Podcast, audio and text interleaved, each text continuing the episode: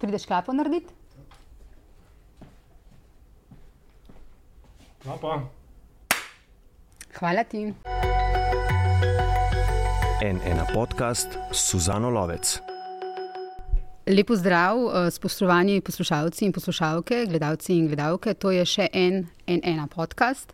Eh, Z mano sta danes Janja Božič-Marold, predsednica uprave Medijane, dobra poznavalka javnega mnenja in raziskav javnega mnenja, in Tanja Starič, voditeljica odmevov in dolgoletna novinarka z področja notranje politike, dobra poznavalka volitev, strank, politikov in tako naprej. Zdrav. Živijo. Hvala za povabilo. Dobrodošli pri nas, dobrodošli na Enena. Danes se bomo pogovarjali o prihajajočih uh, volitvah, predsedniških uh, in tudi lokalnih, uh, in o tem, kako kaže, komu kaj kaže, kaj se še lahko spremeni, kaj vse se še lahko spremeni. Uh, predsedniška tekma je, čeprav se uradna kampanja še ni začela v resnici v polnem zamahu, že kar nekaj časa. Glavni kandidati in kandidatke so znani. Ali se lahko po vašem mnenju še kaj bistveno spremeni z vstopom kakega novega kandidata ali kandidatke? Ker izvoli, ti imaš podatke, verjetno bolj natančne. Hvala. eh, hvala. Um, lahko prosim samo dva uvodna stavka Ja, na to kar. temo. Letošnje leto je zares posebno v primerjavi s prejšnjimi volilnimi leti. Zakaj? Zaradi tega, ker so letošnje parlamentarne volitve dejansko angažirale nepričakovano veliko število udeležencev. 70, skoraj 71 odstotna udeležba je tisto, kar bi lahko imelo posledice tudi na predsedniške volitve. Drugi pomemben dejavnik je, da Borut Pahor, ki je sicer vstopil v tekmo z nižjo udeležbo, kot, bila, kot smo jo bili vajeni prej, takrat je bila, ko je on zmagal, volilna udeležba samo 44 odstotna, v primerjavi z začetnimi udeležbami, ko so bile več kot 80 odstotne, zapušča uh, sceno po dveh mandatih.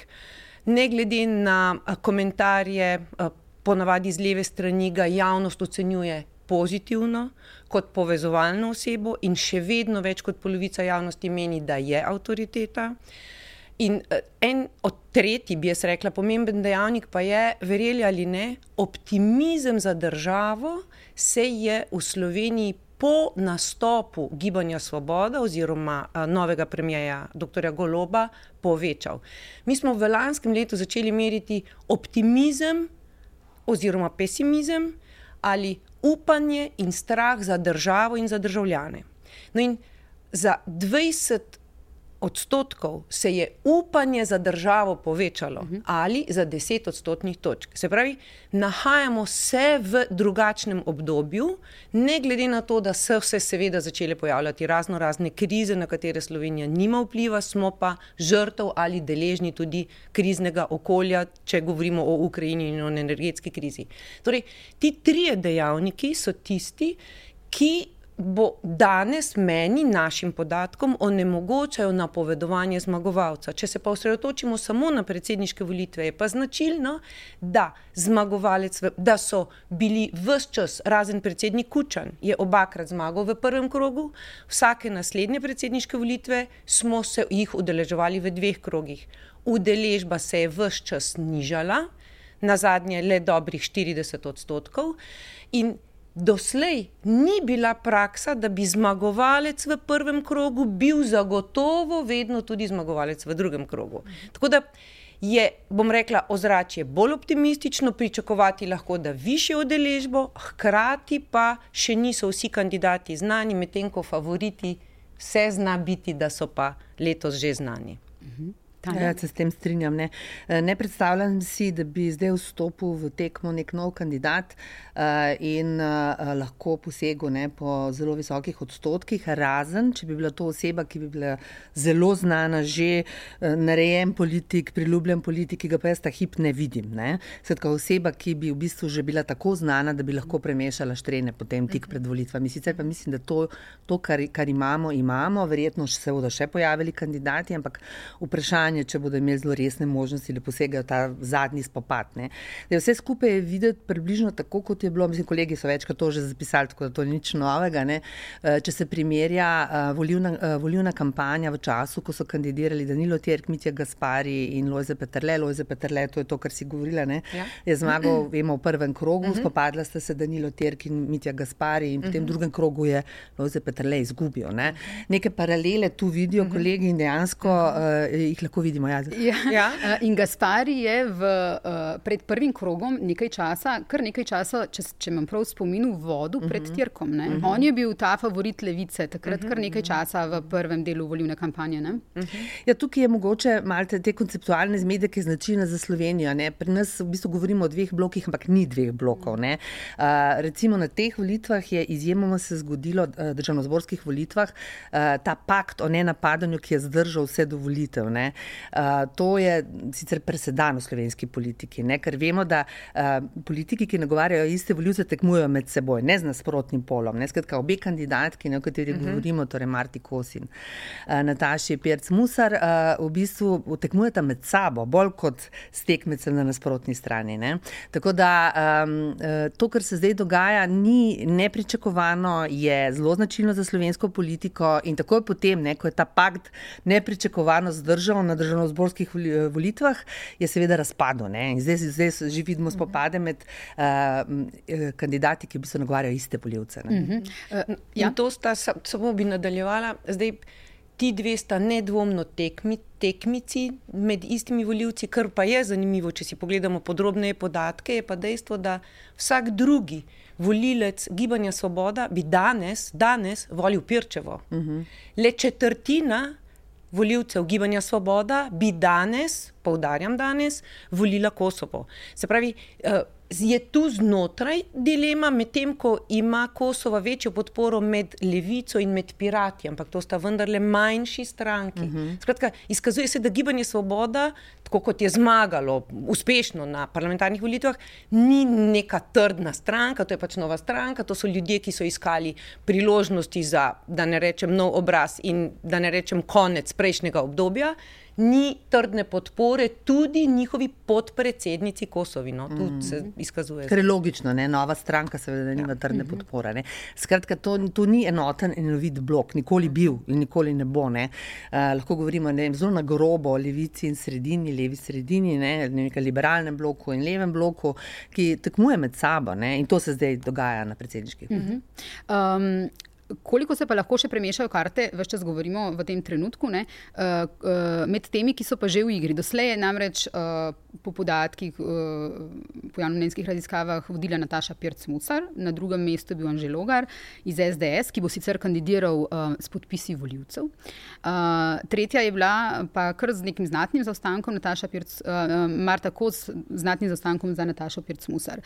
Zdaj, pred nekaj dnevi je bila pa nova raziskava Nina Medije za večerni dnevnik, ki je pa zabeležila da je Logar prehitev Pirc Musar in je na prvem mestu. Ali tudi vaši podatki, ki podobnega kažejo?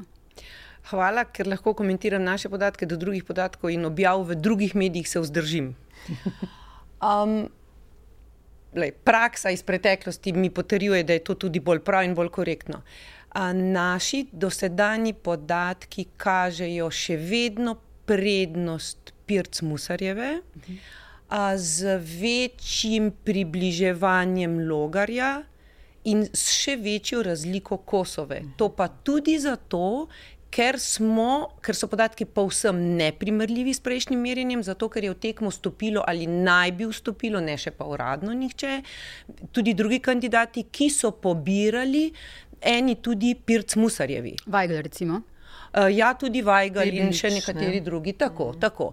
tako da uh, je dejansko živa. Pobirali uh, Pirc Musar ali Pirc Musarjevi in, in, in, Kosovi, in, Kosovi, mm -hmm. in Kosovi. Nekje trdno, bom rekla, se drži uh, dejansko logar. Mm -hmm. Eh, ki bi ga po sedanjih podatkih volilo 80 odstotkov SDS-ovih podpornikov in dve tretjini, 66 plus odstotkov NSI-jevih podpornikov. Torej, nimamo skrajnih levih in desnih, uh -huh. se mhm. strinjam, ampak desna sredina vidim, da se nagiba tukaj. Bi pa en moment še omenila, da je drugačen, vendarle od Tirg Gaspari uh, Petrle.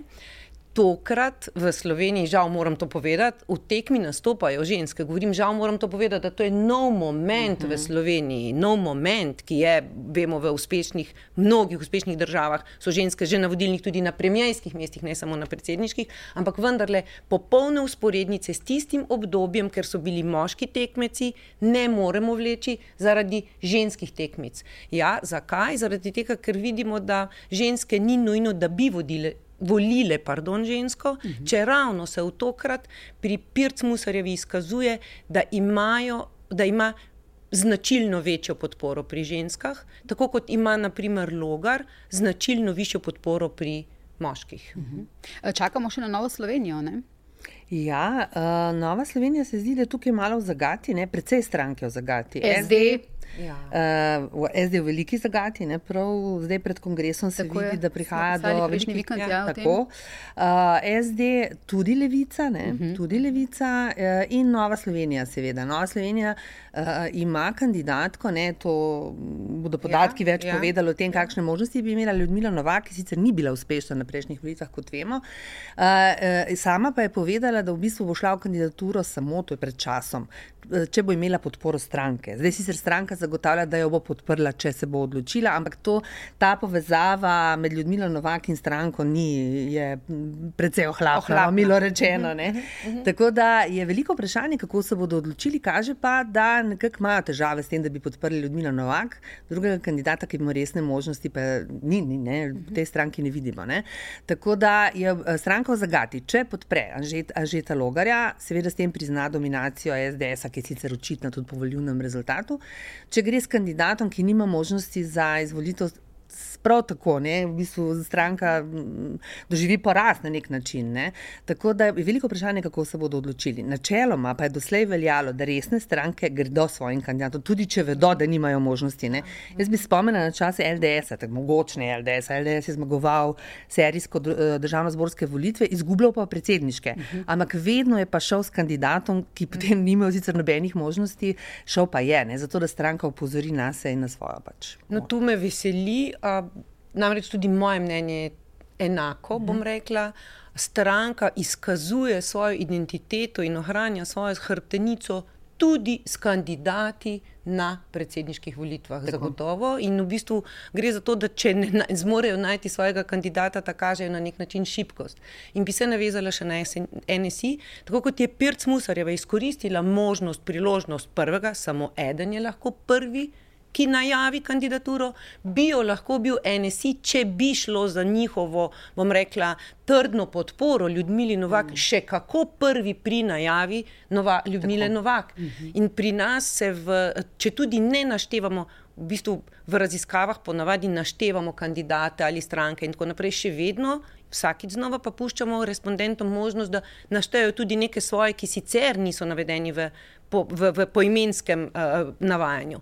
No vsakič znova, tudi če ne naštevamo, in ker je ne, ker ni najavljena na noben način Ljudmile Novakove, se, nava, se jo respondenti navajajo kot jo vidijo kandid... kot možno ja, kandidatko. Ja, ja, ja. Mhm. In to uh, SDS-ovi in NSI-ovi, tudi ja. SDS-ovi. To si pa ne upam trditi, ker nimam uh, analiz pripravljenih. Ja, težko rečem. Ljudmila Novak je verjetno kandidatka, ki bi lahko segla preko. Šire, ne? Širše. Ne? Poznamo to zgodbo, ne? kako zmagaš volitve, tako da sežeš preko. Ne, da ne nagovarjaš samo svojih volitev, ampak sežeš preko. V tem smislu smo tudi v tvojem podkastu tako govorili. Smo, ja. smo, absolutno. No, in Ljudmila Novak je ena od teh eh, kandidatk, ki bi lahko segla preko. Problem pa je, da ona v svoji bazi nima podpore. Ja. Mm -hmm. um, mi smo zdaj v bistvu niti še ne konec uh, avgusta. Uh, konec oktobra so, uh, je, je prvi krok uh, predsedniških volitev, to pomeni en mesec prej, konec septembra, se uradni, uh, uradno začne volilna kampanja. Um, tako kot si prej, Tanja, ti rekla, uh, samo nek, nekdo res poznan, ki bi stopil v tekmo, ima neke resne možnosti. Skratka, če se pojavi nekdo čisto na novo, zdaj je že veliko prepozno.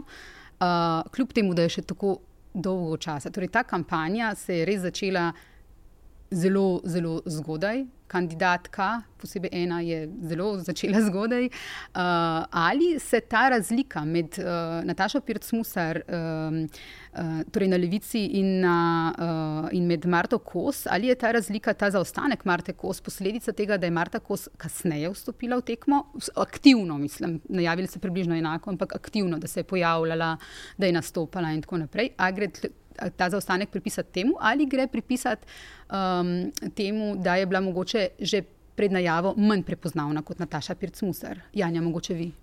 A, hvala. A, ja, um, po naših podatkih sodeč je vendarle bistvena prednost Pirc-Musarja v, v prepoznavnosti.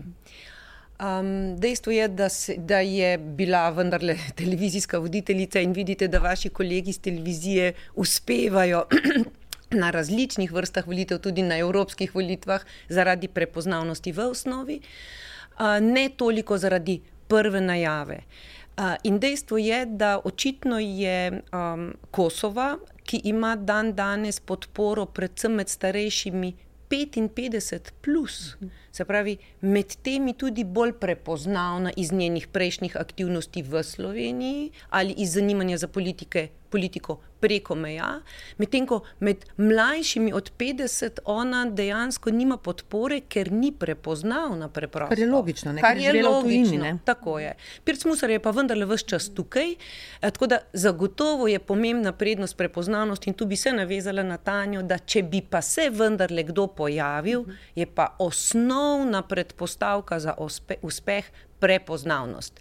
In seveda nesporna prepoznavnost, bi rekla. Uh -huh. uh, Tanja, eh, kje vidiš ti med tema dvema kandidatkoma na levi sredini v bistvu razlike, oziroma na kaj boste one dve poudarjali te razlike med sabo?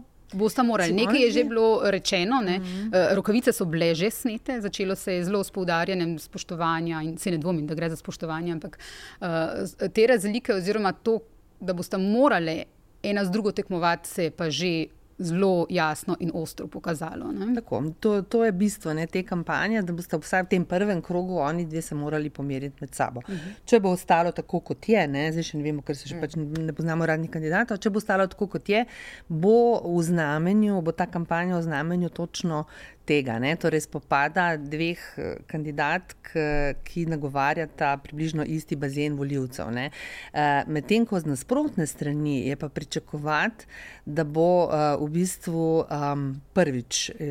Lahko se zgodi, da bo to zelo umazana kampanja. Ne? Tukaj so velike stave, veliki vložki. Ne, ne pozabite, ne, ta, ta odmev teh državno-zborskih volitev se še ni polegel. Uh, ena stran mora zaceliti rane tega poraza, druga stran mora potrditi, da je resnično zmagovalka. Skratka, ta, ta efekt se bo zagotovo poznal tudi v tej kampanji. Mislim pa, da sam kandidat Anžel Logar bo pa gradil na tem, saj potem, kar sodimo, da je na razliki. Ne? Če se je prejšnji vladi očitalo, da je ni povezovalna, da je ostra, da je um, skratka, do, do tekmecev tudi groba, bo on kazal popolnoma drugačen obraz. Ne? Tudi vidimo po tej njegovi kampanji, ki jo zdaj gradi, povezujemo za prihodnost. Drugače. Mogoče mičkeno po vzoru uh, tudi Borota Pahorja. Ne? Zdaj, specifika te, te kampanje je pa tudi to, ne spomnimo se, ne? Borot Pahor ni bil favorit, tudi v medijih ne posebej, pa je šel v neko zelo zanimivo kampanjo delanja poklicov. Mislim, bil je izsmejan, uh, skratka, nišče ni pravzaprav podprl te njegove kampanje, ampak je bila uspešna. Ne.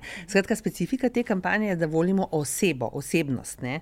In uh, mislim, da boste obe kandidatki, ne, um, ne boste se grobo spopadali na javni sceni, drugo je, kaj se bo dogajalo za kulisjo. Obe boste gradili na svojih osebnostih. Nataša na tem, kar si je že zgradila, Nataša Pirc-Musar. Um, ona je bila vendarle informacijska poblaščenka ona je vse čas prisotna, bila je zelo glasna v času prejšnje vlade eh, in bo zagotovo poudarjala to svojo ne, specifiko, da je pač odločna oseba, ki zna. Jasno povedati. Marta Kozma bo morala res veliko narediti na svoje prepoznavnosti. Ne? Ona je vendarle živela v tujini, ona je imela en zelo uspešen nastop v predvoljivni kampanji, takrat je spet opozorila nas, sicer pa ljudje, po mojem, niti ne poznajo zelo dobro. Ne? Tako da ona bo, bo morala pa graditi na tem, da jo spoznajo tudi mlajše generacije. In mhm.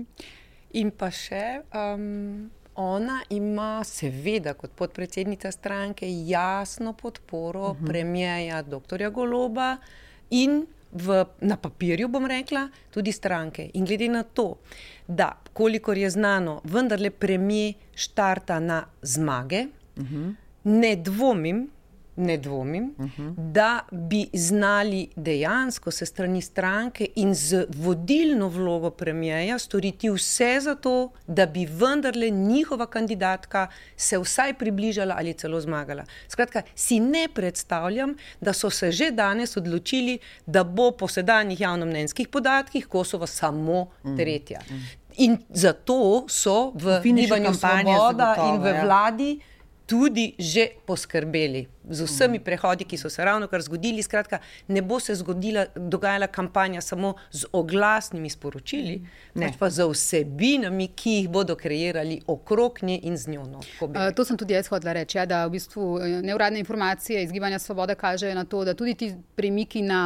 Uh, PR, na Tako. public relations, na odnosi z javnostmi, uh, kaže na to, da niso bili zadovoljni s tem, v kakšni poziciji je njihova kandidatka za predsedniške volitve, kje se trenutno nahaja.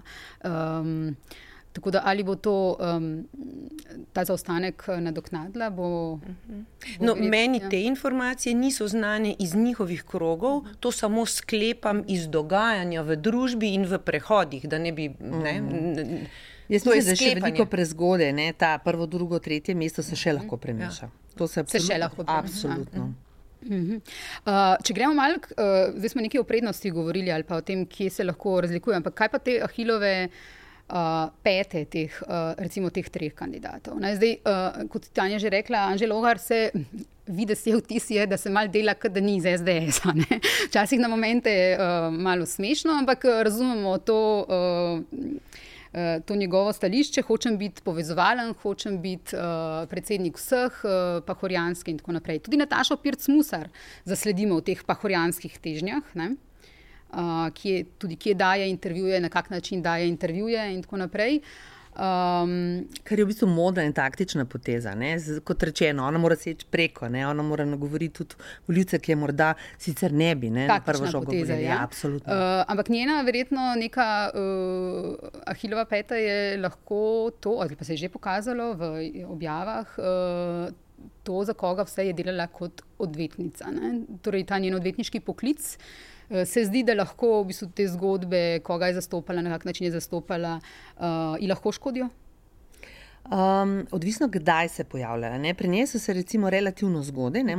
Kar je meni zanimivo, je to, da se o Marti Kos pa ne. -huh. Zato jaz mislim, da bo v finišu kampanje mar tako sključna tarča, ne Nataša Pirc-Musar. Odvisno, kako se bo gibala pač, sveda, raziskave javnega mnenja, stranke taktizirajo, zagotovo bodo pač napadali najmočnejše kandidate, ampak Marta Kos je kandidatka gibanja Svoboda. Ne? In ne mogoče je, da ona ne bi v, nekje v, v, v koncu kampanje, ker seveda škoda nje je škoda stranki. Se pravi, tekmici bodo zagotovo to na nek način izkoristili. Daj, vsak ima ne, neko, neko mlinski eh, kamen. Mlinski kamen. Uh, dobra plat te kampanje, ki, za katero se jaz res bojim, da bo na vzven zelo lepa, zelo prijateljska, zelo velik rok. Uh, zelo veliko potovanj po terenu, zelo veliko stiskov z ljudmi in pogovorov, eh, da bo pa sicer zelo umazana. No? Uh -huh. uh, ravno zaradi tega uh, efekta državno-zborskih volitev in ne gre pozabiti, zatem so še lokalne volitve, uh -huh. ki so mhm. silno pomembne. Uh -huh. Sploh za te večje stranke, zato ker je pomembno, koga imaš na terenu. Uh -huh. uh, tako da se bojim, da bo umazana in no, kar hočem povedati, je pa to, da bo vse te črne pege ne, ali pa sive pege ali pa to, kar bi lahko kompromitiralo, da bo prišlo na dan. Zdaj, pri Nataši Pirc Musar je to lahko problem, zaradi tega, ker če gledamo prejšnje kampanje, Slovenci zelo. Um, torej, voljivci um, niso nagradili, oziroma so bili zelo kritični od tistih, ki so imeli veliko denarja. Mhm, to je pri nas problem. Najbolj tipična je zgodba uh, plače ne, gospoda Arharja.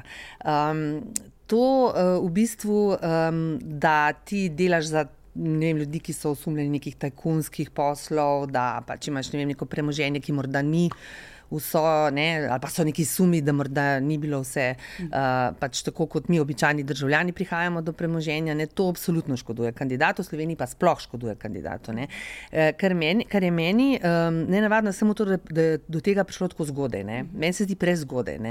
Volitve so oktober, do takrat se bo še moralo nekaj zgoditi. Če zgodba pride na dan, ne vem, zdaj je prišlo julija, avgusta, je do septembra pozabljena, ne, ker pridejo nove zgodbe. Ne. Tako da nisem niti pripričana, da je Nataša Pirc-Musar uh, osrednja tarča no, te kampanje. Uh mhm. Kar se tiče negativne kampanje, zdaj uh mhm. govorim. Uh mhm. Da še pride.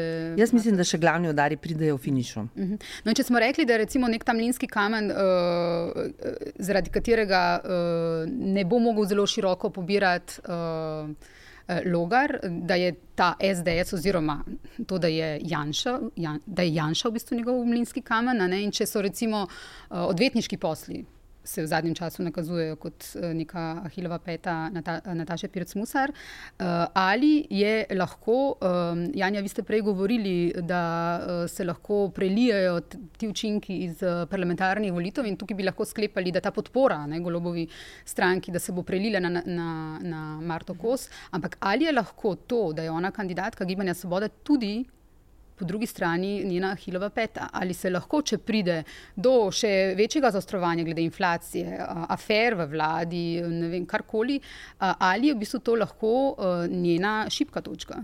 Na vsak način. Dejstvo je, da ravno krizno obdobje, ki za katerega pravim, smo v bistvu kolateralna škoda svetovnega dogajanja, na katerega gibanje Svoboda nima vpliva, seveda pa lahko rešuje za naše razmere, je lahko gibanje Svoboda ovira ali Ahilova peta ali mlinski kamen za Kosovo. Mhm. In bolj kot bi lahko padala podpora gibanju Svoboda, večji pad ali žrtev bi lahko bila Kosova.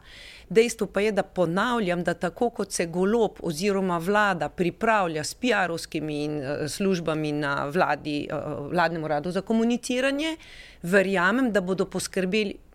Delajo na tem, da bi poskrbeli za to, da bi učinek njihovega negativnega, negativne ali pa dajoče podpore, ker se je ponavadi zgodilo, da podpora po šestih mesecih po volitvah podpora vodilni stranki začne padati. Kar ne pomeni, da se bo to zgodilo tudi tokrat, mhm. ker se na to dejansko strateško, oziroma zdaj že kar konkretno pripravljajo. Pa še nekaj, se strinjam s temi o, o, velikimi plačami, ne, ne, ne velikimi plačami, v bistvu s tem, da ima človek veliko denarja, na različne načine ga zaslužijo, ok, in rečemo, da ga zaslužijo korektno. Ni nujno, da Slovenija, glede na to, da se vendarle razvija podjetništvo, da se vendarle podpora podjetništvu povečuje in da vendarle nekateri podjetniki vračajo tudi družbi, da se bo ta princip razmišljanja še vedno nadaljeval. Če ima denar, pa ni vreden Ja, pri, golobu, pri golobu to ni bil problem. Ni to, pri in... Nataši je morda problem, ker to premoženje izhaja iz časov privatizacije, nekje pa je ena boleča točka mhm. -huh. naše zgodovine. Ne? Tako da to je problem, če ni vse tako. Če ravno ni njen osebno. Ja, ja. ampak ne? lahko ja. je, ne? Ja. to pravim. Ja. Ja. Ja. Je pa res pravi še, šest mesecev, ne oktobra. Oktobra, ja, ne, no, novembra, pridejo, ne, novembra pridejo prvi računi za korjavo, ja. ne, ki bodo višji, ne, ja, to bodo. Ne, ja. in, uh, zdaj, ali bo ta efekt, ki se bo jeseni zgodil, neizbežno se pokazal že v času volilne kampanje, od, tudi od tega je odvisno, mhm. ne, kakšna bo podpora Martiko, zagotovo. Sta pa obe kandidatki ne, uh, uh, naredili ta preemptive strike. Ne, uh, verjetno zelo dobro poznata Arhar zgodbo in sta obe že zelo zgodaj uh, razkrili svoje premoženje oziroma govorili o njem in tako naprej. Ne. Eh, tukaj so se eh, predsedniški kandidati v Sloveniji iz, iz zgodovine, iz preteklosti uh mhm. -huh. nekaj uh, naučili. Ne? Kaj se splača naprej povedati, kako segati čez, uh, kako biti pahor, pa da nisi pahor. Uh, to so verjetno neke te uh, za, zadnje lekcije. Tanja, um, mi imamo pač neposredno voljenega predsednika države. To je uh, funkcija, ki sicer naj bi bila simbolna funkcija, uh, bolj kot ne protokolarna, ampak uh, s tem, ko ga volimo neposredno, ko jo volimo neposredno, uh, ima izjemno, izjemen pomen. Uh, kot ste obe rekli, tukaj pridejo do izraza osebnosti in pomembno je, da ljudje čim bolj vejo, kakšne osebnosti so, da čim več o teh ljudeh vemo, uh, ker uh, konec koncev ta funkcija ni tako nepomembna. Tudi v zadnjih dveh mandatih se je pokazalo, ne, kaj, uh, kaj imenovanja pomenijo. Ne, Sveda, kakšnih, na kadrovskem tako, področju. Na kadrovskem področju. In tudi sicer, ne, Pahor je sicer. Um, enkrat zelo jasno, ampak večkrat nakazal, da on ne želi biti moralna avtoriteta, ne, kar smo mu mediji in tudi javnost uh, očitali, uh -huh. to njegovo izjavo. Um, ampak kakšen pa bi moral biti, po tvojem mnenju, uh, predsednik države? Zdaj ne govorim, kdo je tebi ljubši, absolutno ne sprašujem uh -huh. tega. Ampak kaj so tiste karakteristike, ki pa odlikujejo dobrega predsednika? Zdaj, če se vrnem na Pahorja, mislim, da se bodo morali kandidati in kandidatke v tej kampanji opredeljevati tudi do njegovih mandatov. Uh, vemo, pri Pahorju je veliko kritik letelo na to, um, kar si je mogoče on včasih napačno razlagal, da gre za kritiko tega, kje vse se on pojavlja uh mhm. -huh. in uh, na kak način za, za ta vides, ki ga ja. ustvarja. Dejansko mislim, da smo bolj kritizirali, ko smo ga kritizirali, to, kje se ne pojavlja in česar ne pove, ne pa to, kar pove in kje se pokaže. Um, no, skratka, hotela sem vprašati. ja, ja, ne, ne si v redu, vse ja. razvijaš tezo. Ne, tako sem še dodam potem, uh, uh, na osnovno vprašanje, ne, kakšen bi moral biti ne, pri nas funkcija funkcija predsednika države, to je v bistvu ena tako manjša anomalija, to mhm. izhaja iz prvih let osamosvojitve, ko je bilo tudi veliko kompromisov sprejetih, predtem, ko so sprejemali volilno zakonodajo, da imamo na eni strani angliško kraljico, ne, se pravi nekoga, ki je bolj kot ne protokolaren in to recimo je pahor z pridom izkoriščal, ne, ta del funkcije, ne, hkrati ima pa izredno ravno to moralno moč, ne, zato ker je neposredno izvoljen, se pravi državljani so mu dali glasove. In potem je vsak od predsednikov dal svojo osebnostjo vsebino tej funkciji, ker je dejansko ni tako jasno definirana, da bi mi lahko rekli, to pa je zdaj predsednik države Slovenije in to so njegove naloge. Osnovne seveda vemo, ampak dejansko je vsak svojo osebnostjo in svojim ravnanjem dal pečat. Zdaj, kdo je od njih bil najboljši? Ne? Mi smo predsednika, ki se je oglašal zelo veliko. Ne? Mi smo predsednika, spomnimo se eh, Janez Drnovšek v zadnjih letih, recimo, ki je v bistvu bil zelo nenavaden predsednik. Ne? Spomnimo se, on se je oglasil recimo v tem primeru spomnimo se romske družine. Ne, v, ja, šel vam Brus, šel vam Brus osebno. Zdaj, a je to naloga predsednika države? Je, ne? ker če tako presodi predsednik države, vsak je svojo osebnostjo dal svoj pečat. Ne? In jaz mislim, da ni nobene možnosti, da bi mi volilno zakonodajo, čeprav so ideje, ne, spremenjali tako, da bi bilo bolj jasno, kaj predsednik je. Zdaj, nesporazum uh, uh, Pahorja in dela javnosti je bil ravno te, on je v bistvu gradil na tem, da je, da je predsednik vseh državljanov in da se zato ne bo opredeljeval, se ne bo umešaval v dnevno politiko. Ampak časi so bili ekstremno posebni, zelo posebni. Prvič, torej v, naš, v na, času naše zgodovine, smo imeli epidemijo. Bili smo zaprti v svoje domove mesece, ne? nekaj, kar je bilo nepredstavljivo. Ostali smo brez velikega dela svojih svoboščin. Ne? Dogajalo se je, so se nepredstavljive stvari, on je pa molčal. Ne? In to, recimo, če že mene vprašaš, ne, recimo, je, je pa mislim, da v takih trenutkih pa naloga predsednika države, da nekaj pove svojim državljanom, da jih pomiri. Potolaži, ne da se opredeljuje to, kar je on pač rekel. On je rekel: Vi meni silite, da se opredeljujem do vlade, ne bom se. Ne? Do neke mere tudi razumljivo, nihče ga v to ni silil, ne? da pa se ni oglasil in, in pomiril državljane in povedal, da se svet ni podaril v najbolj kritičnih trenutkih, recimo to pa se meni ne zdi prav, oziroma se mi zdi prav, da bi predsednik to naredil. Jaz pa, če si smem dovoliti, mislim, da si lahko predsednik vseh, tudi če si kritičen, tako kot recimo v neki družini. Ne? Um, Da si lahko starš, uh -huh. tudi mhm. če si kritičen, pa nočem primerjati uh, predsednika staršem, pa državljane z otroki, ampak uh, da si lahko kritičen tudi do dogajanj v državi in hkrati. Uh, se mi zdi, predsednika, ki je to mhm. počel, recimo Danilo Terk zelo izrazito, ne, se je oglašal. Ne, uh -huh. Je imel je tudi par fopajev. Fopajev ja. potem, ja.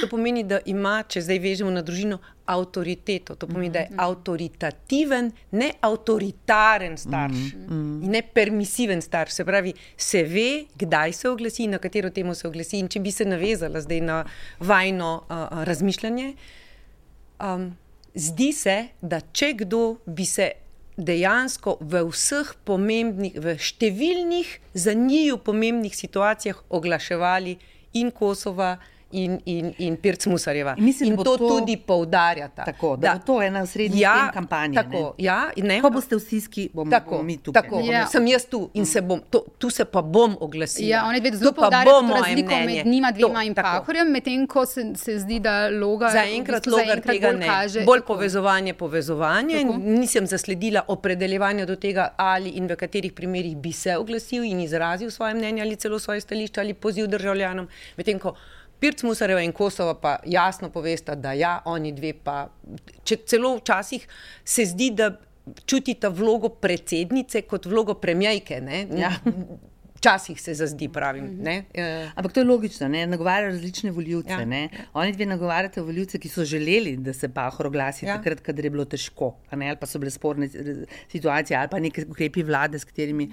V bistvu Jaz se sem zadnjič- zadnjič ko pa- Logar, prosti, uh, Izvoli. Anžel Logar je pa eh, drugačen, ne? on pa pravi, uh, ne, ne bom tisti predsednik, ki bom uh, ne, uh, mehča podobo, mehča podobo, sicer trd. Trdo podobo, ne, ki jo ima ta stranka v pač, del, delu volivnega telesa, ki jo pač odklanja. Ne. On mehča svojo podobo, oni dve pa ja. Kažete na razliko od tega, kar smo imeli prej. Uh -huh. Uh, to jesen bomo imeli tudi lokalne volitve. Kar se tiče Ljubljane, je zdaj že jasno, da bo ponovno kandidiral uh, župan Jankovič. Um, najprej mogoče gremo na to, kdo bi lahko ogrozil, če sploh kdo, njegov primat v prestolnici in ali je mogoče, kako je mogoče, da na levici spet ne, spet ne bi našli, če ne bi našli nekega njemu um, relevantnega uh, protikandidata. Torej, Uh, nekoga brez afer, uh, brez mizoginije, nekdo, ki bi vodil prestolnico. Uh, skratka, ali je ta primat uh, v prestolnici njegov sploh lahko ogrožen? Vemo, da se um, naj bi se dogovarjali na levem polu, eh, civilna družba, mislim, da z levico in tako naprej, za, se pogovarjajo, ali bi imeli nekega kandidata, ampak ali je ta primat lahko Jankovičev ogrožen? Ja, tukaj je zelo pomembno to, ne, kar je pa do neke mere logično, ne, glede na politično zgodovino Goloba. Roberta Goloba, uh, da je stranka Gibanje Svoboda že podprla Jankoviča. Ne, pravi, Uh, ja, Golop je podprl, uh -huh. oziroma povedal, da ga Tako, namerava stranka pa podpreti. in ne. Mhm. Stranka pa naj bi danes uh, popovdne na svetu stranke naj bi razpravljali in uh, potrjevali, ali ga bodo podprli. No, jaz si težko predstavljam, da bi nekaj odločili proti volji predsednika. Ne? Mo- Možno pa je, da bodo v bistvu prepustili, da se pa članstvo odloči, ker je jasno, da ne bodo glasovali vsi enako. Ne, kot praviš. Ampak ja, kot si rekla, Golop ga Ja, je ja. zelo jasno. Ja. uh, To, to je pomemben element, to pomeni, da ne, bo, uh, da ne bodo iskali ne, zelo resnega protikandidata, ki bi imel tudi podporo vlade. Ne. Tako da uh, um, je nenavadno, no, da se ne pojavi na tem polu ne, nek protikandidat. Vsi ga nekako pričakujemo, ne po vseh teh mandatih Zorana Jankoviča bi. Se zdelo, da se bo to uh, že skoraj moralo zgoditi. Um, tako da jaz mislim, da uh, uh, se kandidati bodo pojavljali, recimo iz tega diapazona političnega. Uh, vprašanje pa je, če bodo to resni kandidati, ki ga bodo lahko ogrozili. Veliko vprašanje. Vprašanje je zato, ker je on dejansko še vedno močen kandidat, ne glede na vse to, kar se je prilepilo skozi vse te mandate na njegovo politično podobo. On je še vedno do, do močen kandidat in uh, morala bi biti res močna strankarska podpora in zelo resen kandidat z velikim ugledom tudi z ugledom gospodarstvenika, ne na zadnje, ne, ker to je Jankovičev adut bil vse čas, ne, da bi lahko premagal uh, Jankoviča. Kaj Jankovičem, a Janja, a mislite, da kljub vsem tem aferam, kljub. Um, Uh, gledali smo leta in leta v bistvu vse te afere, kljub aferi farmacevtka, Ja. Ja. Uh, kljub eh, nekim izoginim izjavam, on je recimo, to je posneto na kameri, novinarki Pop TV rekel, pri detku ne boli. Ne? Uh, hočem reči, uh, vse vemo o Jankoviču, um, pa ga očitno ljubljančani, povejte, če se motim, kaj dojemajo kot uh, nekoga, ki bo zrihtal. ki bo šerif. Glej, um, skratka, to ni iz raziskave, da ne bi mm -hmm. zdaj me kdo narobe razumel. A dejstvo je, da se moramo spomniti, da je Jankovič zmagal s 33, 34, skratka pod 40 odstotno udeležbo v Ljubljani. Že to je znak. Mm -hmm. Že to je znak, kolikšna je stopnja udeležbe, kolikšna je potem podpora zmagovalcu. Ampak zaenkrat ni videti, kot ja. rečeno. Um, vendarle, županske funkcije uh, so ljudem, bom rekla, bolj funkcije akcije, človeka akcije, tistega, ki nekaj naredi vidnega. In ne načel. in ne načel.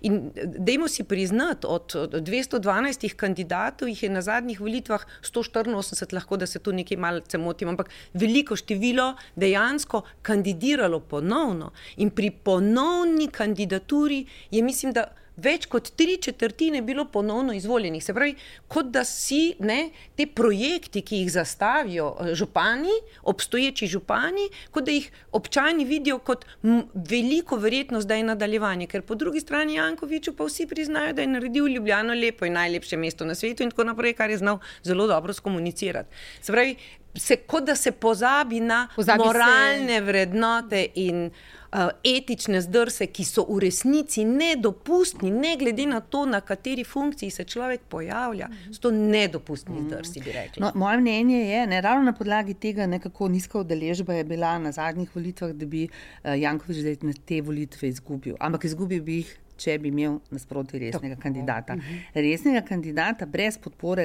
največje vladne stranke, pa vsaj velikega dela, pa si težko predstavljam. No? Prosti strelec bi mhm. zelo težko, recimo, v tej tekmi zmagal. Mhm. Lahko torej rečemo, da so levi voljivci v Ljubljani uh, pri teh volitvah lokalnih torej nenačelni.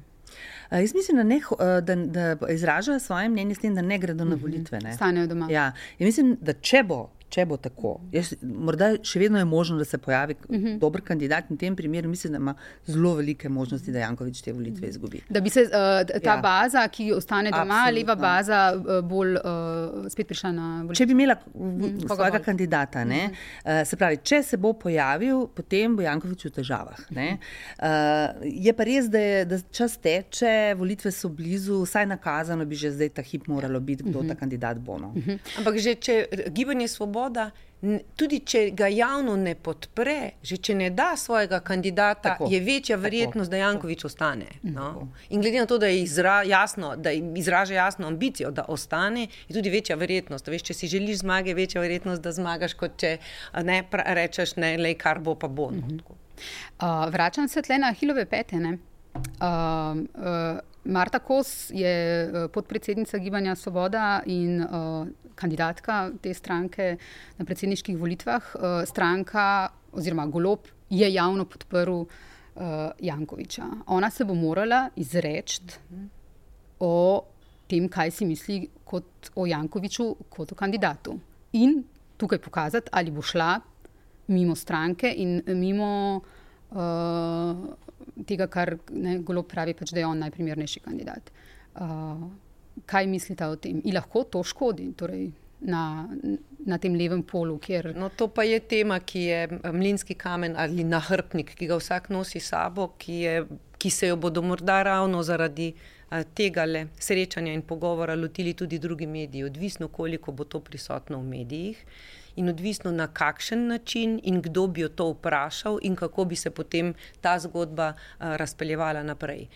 Um, dejstvo je, da glede na to, da je ona vedno bila premišljena in odločna v svojih izjavah, in da so z njena stališča okrog teh področji jasna, si težko predstavljam, da bi uh, ostala nema pri tem vprašanju ali bi ne izrazila jasno negativnega stališča do teh ravnanj. Um. Mislim, da je njen štab že pripravljal odgovor na to vprašanje. To, kar praviš, ne, je eno od vprašanj, v, ne, mhm. sama, mislim, se veš ne, ja. na televizijskih soočenjih, če, ja. če bodo, ko bodo, kakršna koli pač mhm. bodo, ne, bo, to, bo to vprašanje seveda eno od njih. In ona se bo na njih pripravila in ne mhm. dvomim, da bodo imeli odgovor, ki bo nekako skušal iz te zagate, ne, v kateri definitivno bo, ne, uh, jo, jo potegniti iz te zagate. Ne. Skratka, um, ja, je pomembno vprašanje, lahko iško škoduje, ampak mislim, da ne bo ključno. No. Uh -huh.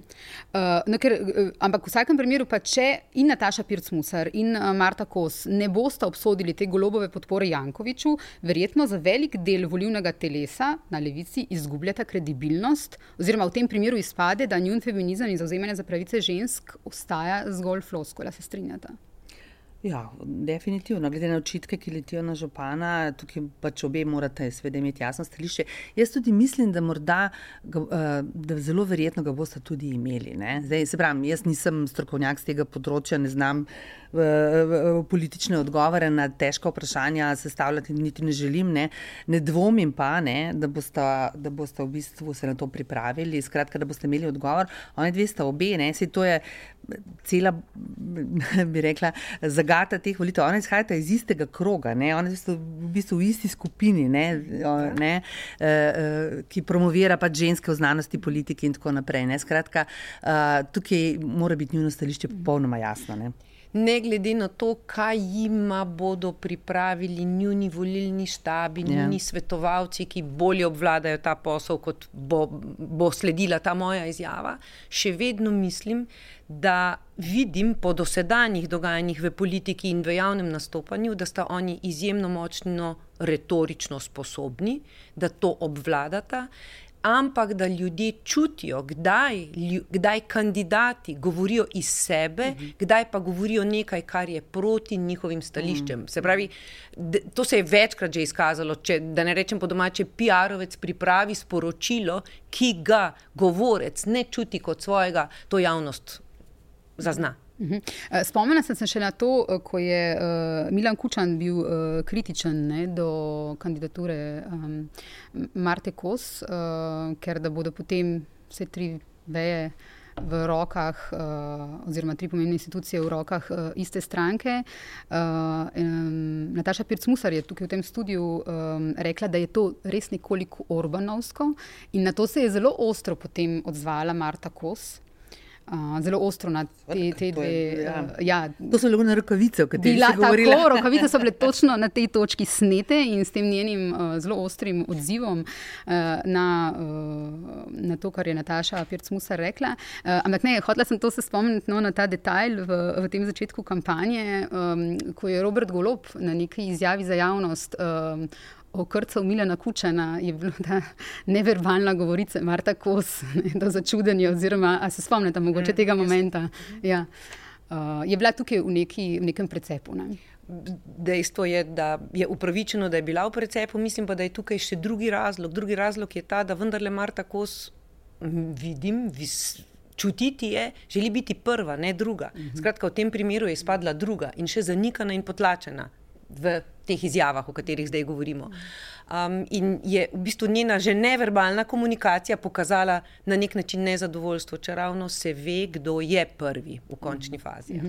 Sicer to ni čisto res. Ne? Uh, LDS je imela in predsednika parlamenta, in predsednika države, in predsednika vlade. Uh, tako da to ne bi bil tak prvi primer. Ne?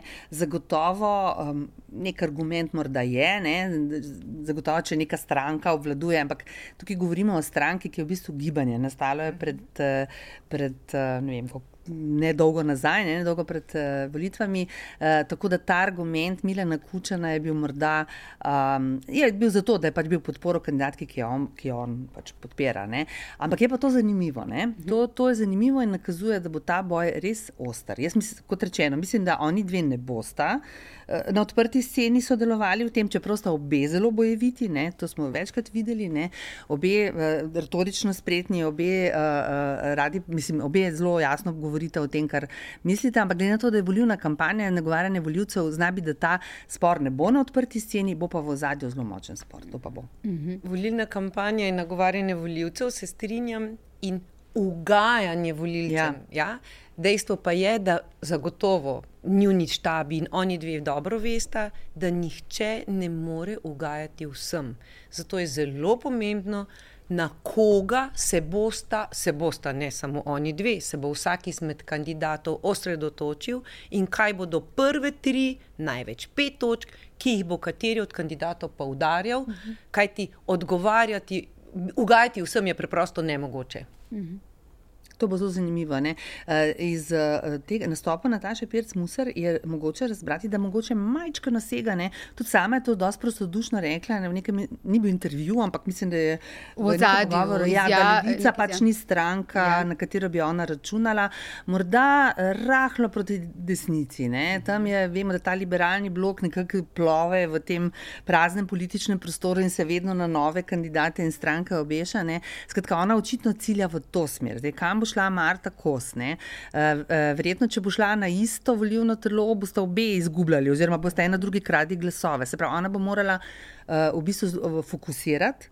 Koga bo v tej zgodbi nagovarjala? Ne? Se predstavljati kot bolj leva od morda, Nataše? Morda, morda tam se prostor odpira. Ne? Kar se ji dan danes, danes potrjuje, uh -huh. vajni izjavi se v tem primeru potrjujeta tudi na osnovi podatkov, ker ima večjo podporo med, kot sem rekla, stranko Pirati in pa med levico, kot vsi ostali kandidati. -huh. Um, Janja, nekaj, če lahko še povemo v bistvu o, o, na koncu o, o tem, kakšen de, kakšno delo upravljate raziskovalci, ko upravljate meritve, o vzorcih, zanesljivosti tega, kar merite. Oziroma, uh, mene zanima, če je tukaj tudi kakšen konflikt interesov, delate mogoče tudi za kakšne kandidate, ne samo za medije, kakšne stranke. Uh, in kako pomembna je tudi interpretacija rezultatov, uh, ne samo -huh. uh, ja, uh, gledajte, mi. Letos Medijana praznuje 30 let delovanja. Uh, mislim, da smo si s tem dokazali, da svoj posel in svojo stroko opravljamo resno in odgovorno. In ne glede na to, da imajo novinarji, mediji in javnost različna stališča in so različno politično opredeljeni, mi ostajamo objektivni in neutralni. Naši večinski naročniki na javnomnenjske raziskave in raziskave pred uh, volitvami so mediji, ki korektno objavljajo naše rezultate. In to je izjemno pomembno. Tanja, to ti veš, to pri vas to opravljate, to vaši naročniki, kadar odvisno, kdaj, kdo je. Uh, No, da ne bom nadaljevala zgodbe. Skratka, in to je izjemno pomembno, ker to, da pripravimo reprezentativen vzorec, da dejansko se trudimo pridobiti respondente, kajti na poda podatki se ne pridobijo v krogu zaposlenih ali v krogu prijateljev in znancev, pač pa na reprezentativnem vzorcu in sodelovanje respondentov je prostovoljno. Ti ljudje za sodelovanje v raziskavah ne zaslužijo.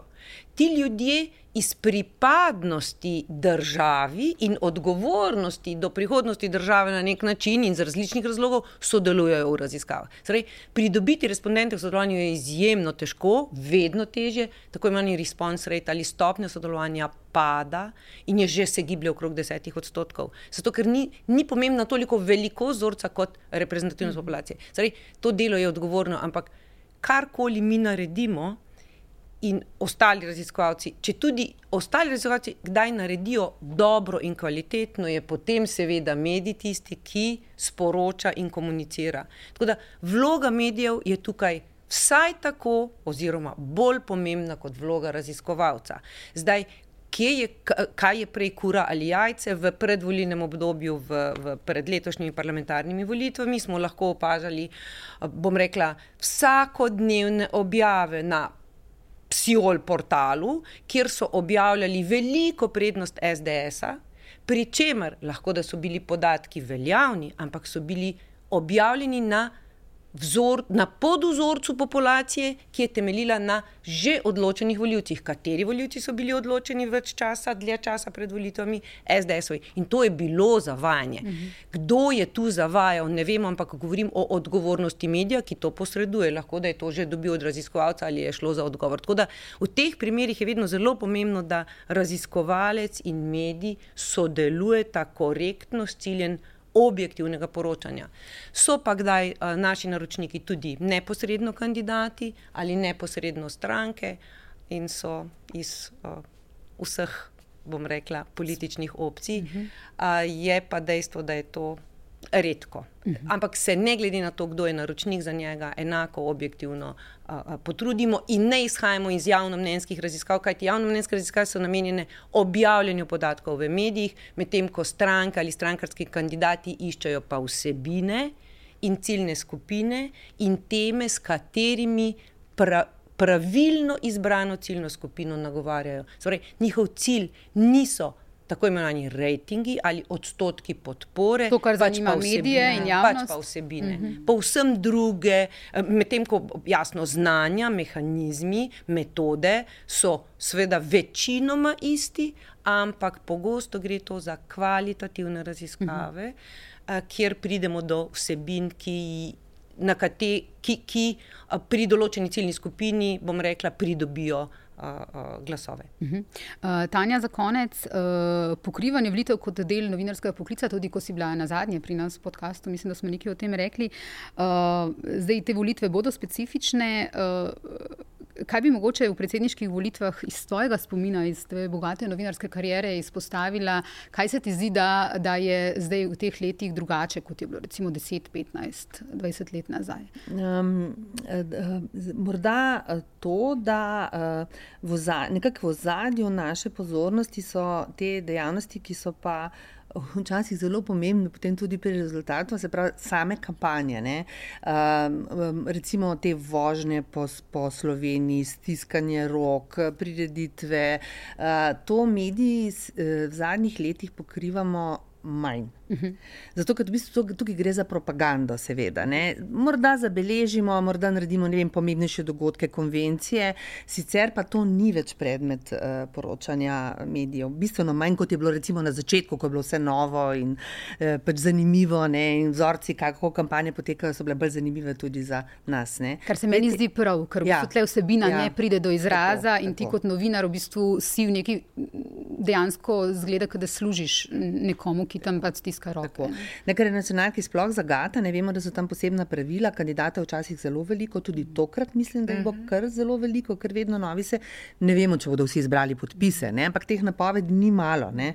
In seveda eh, na nacionalni televiziji se vse, torej tiste, ki jim kaže bolje ne, na raziskave in, eh, in tiste, ki, jim, ki pravzaprav nimajo možnosti, pa vendarle kandidirajo, pokriva enako. Ne? In to je seveda zahtevalo velike napore, tudi kadrovske in vse druge. Eh, no, to se opušča tudi na nacionalki ne, in se delajo bolj pri, problemski prispevki, um, kar se tudi meni zdi prav. Um, um, Zdaj, uh, sicer pa mislim, da tukaj uh, volilne kampanje, to so dovolj uveljavljena praksa pri nas, tukaj kaj posebnih uh, novosti jaz ne pričakujem, tudi v medijih. Jaz moram reči, da ne sodelujem v, uh, v pri, pri, pri, pripravi te volilne kampanje na nacionalni televiziji, tako da pač tukaj ne morem nič uh -huh. uh, kaj posebnega dodati, ampak mislim, da v bistvu so vzorci do, dovolj znani in da bo teklo tako, kot smo že sicer navajeni. Okay. Uh, čisto, Samo še to, ja, no, so pa uh, več je pa problemskih prispevkov uh -huh. ne, in žal tudi afer. Ne, uh -huh. Ker je pa treba biti zelo previden. Mm -hmm. Marsikaj se da spremeniti tudi v zadnjem hipu, ne tik pred volitvami, s kakšnimi aferami, ki se včasih izkažejo kot. Ki so lansirane dan tako, prej, tako. Da, da novinari ne morejo tako, preveriti tako. verodostojno do konca. In tako naprej. To bi prav opozorila, no, ker se mi zdi zelo pomembno, mislim, da to tudi stranke kandidati izkoriščajo. Mm -hmm. Um, mimo nečesa še ne morem, no, ker pač je uh, tak dan. Včeraj uh, smo izvedeli, oziroma smo mediji poročali, da naj bi uh, voditelj odmevov uh, postal tudi Lukas Svetina, uh, nekdani novinar Nove 24, zdaj je delal na, oziroma dela na portalu Domovina. Uh, ti si voditeljica odmevov, te smem za konec vprašati za kakšen tvoj komentar. Ja, tukaj ti jaz ne morem ne, ne potrditi, ne zanikati, sem več na dopustu in pri tebi, ne v podkastu. Hvala. hvala. uh, tako da te informacije sem tudi jaz samo prebrala, ne, nisem, ne vem, ali so točne ali ne. Zdaj, uh, poznavajoč koncept odmeva, pravzaprav od nastanka te oddaje, jaz ne, vem, ne bom trdila, da je ali ne, ampak uh, bi pa podvomila. No? Zato, ker da je zamišljena tako, da je ne samo akcent dneva, ampak tudi neka analiza, kontekst dnevnega dogajanja, kar je strašno pomembno zdaj v teh časih fake news in vseh informacij, ki jih dobivamo. Zato tudi delamo to, da starejša ekipa, bolj izkušena ekipa, torej ekipa, ki ima dolgo kilometrino, ne? tako da uh, bom presenečena, no? če. Ne, če, novega, če dobimo novega voditelja. Jaz mislim, sicer, da je to zelo dobro, da se ekipa okrepi, zdaj je zelo na robu ne, zmogljivosti. Uh, ampak kot rečeno, koncept odmeva pa je takšen, kot sem povedala. Okay, najlepša hvala še enkrat uh, obema za gostovanje uh, v enem podkastu in zagotovo se še vidimo v prihodnih mesecih. Hvala, Hvala. za povabilo. Hvala še enkrat za povabilo. Hvala lepa tudi vsem poslušalcem in poslušalkam in gledalcem in gledalkam in vidimo se spet in slišimo zelo k malu. thank you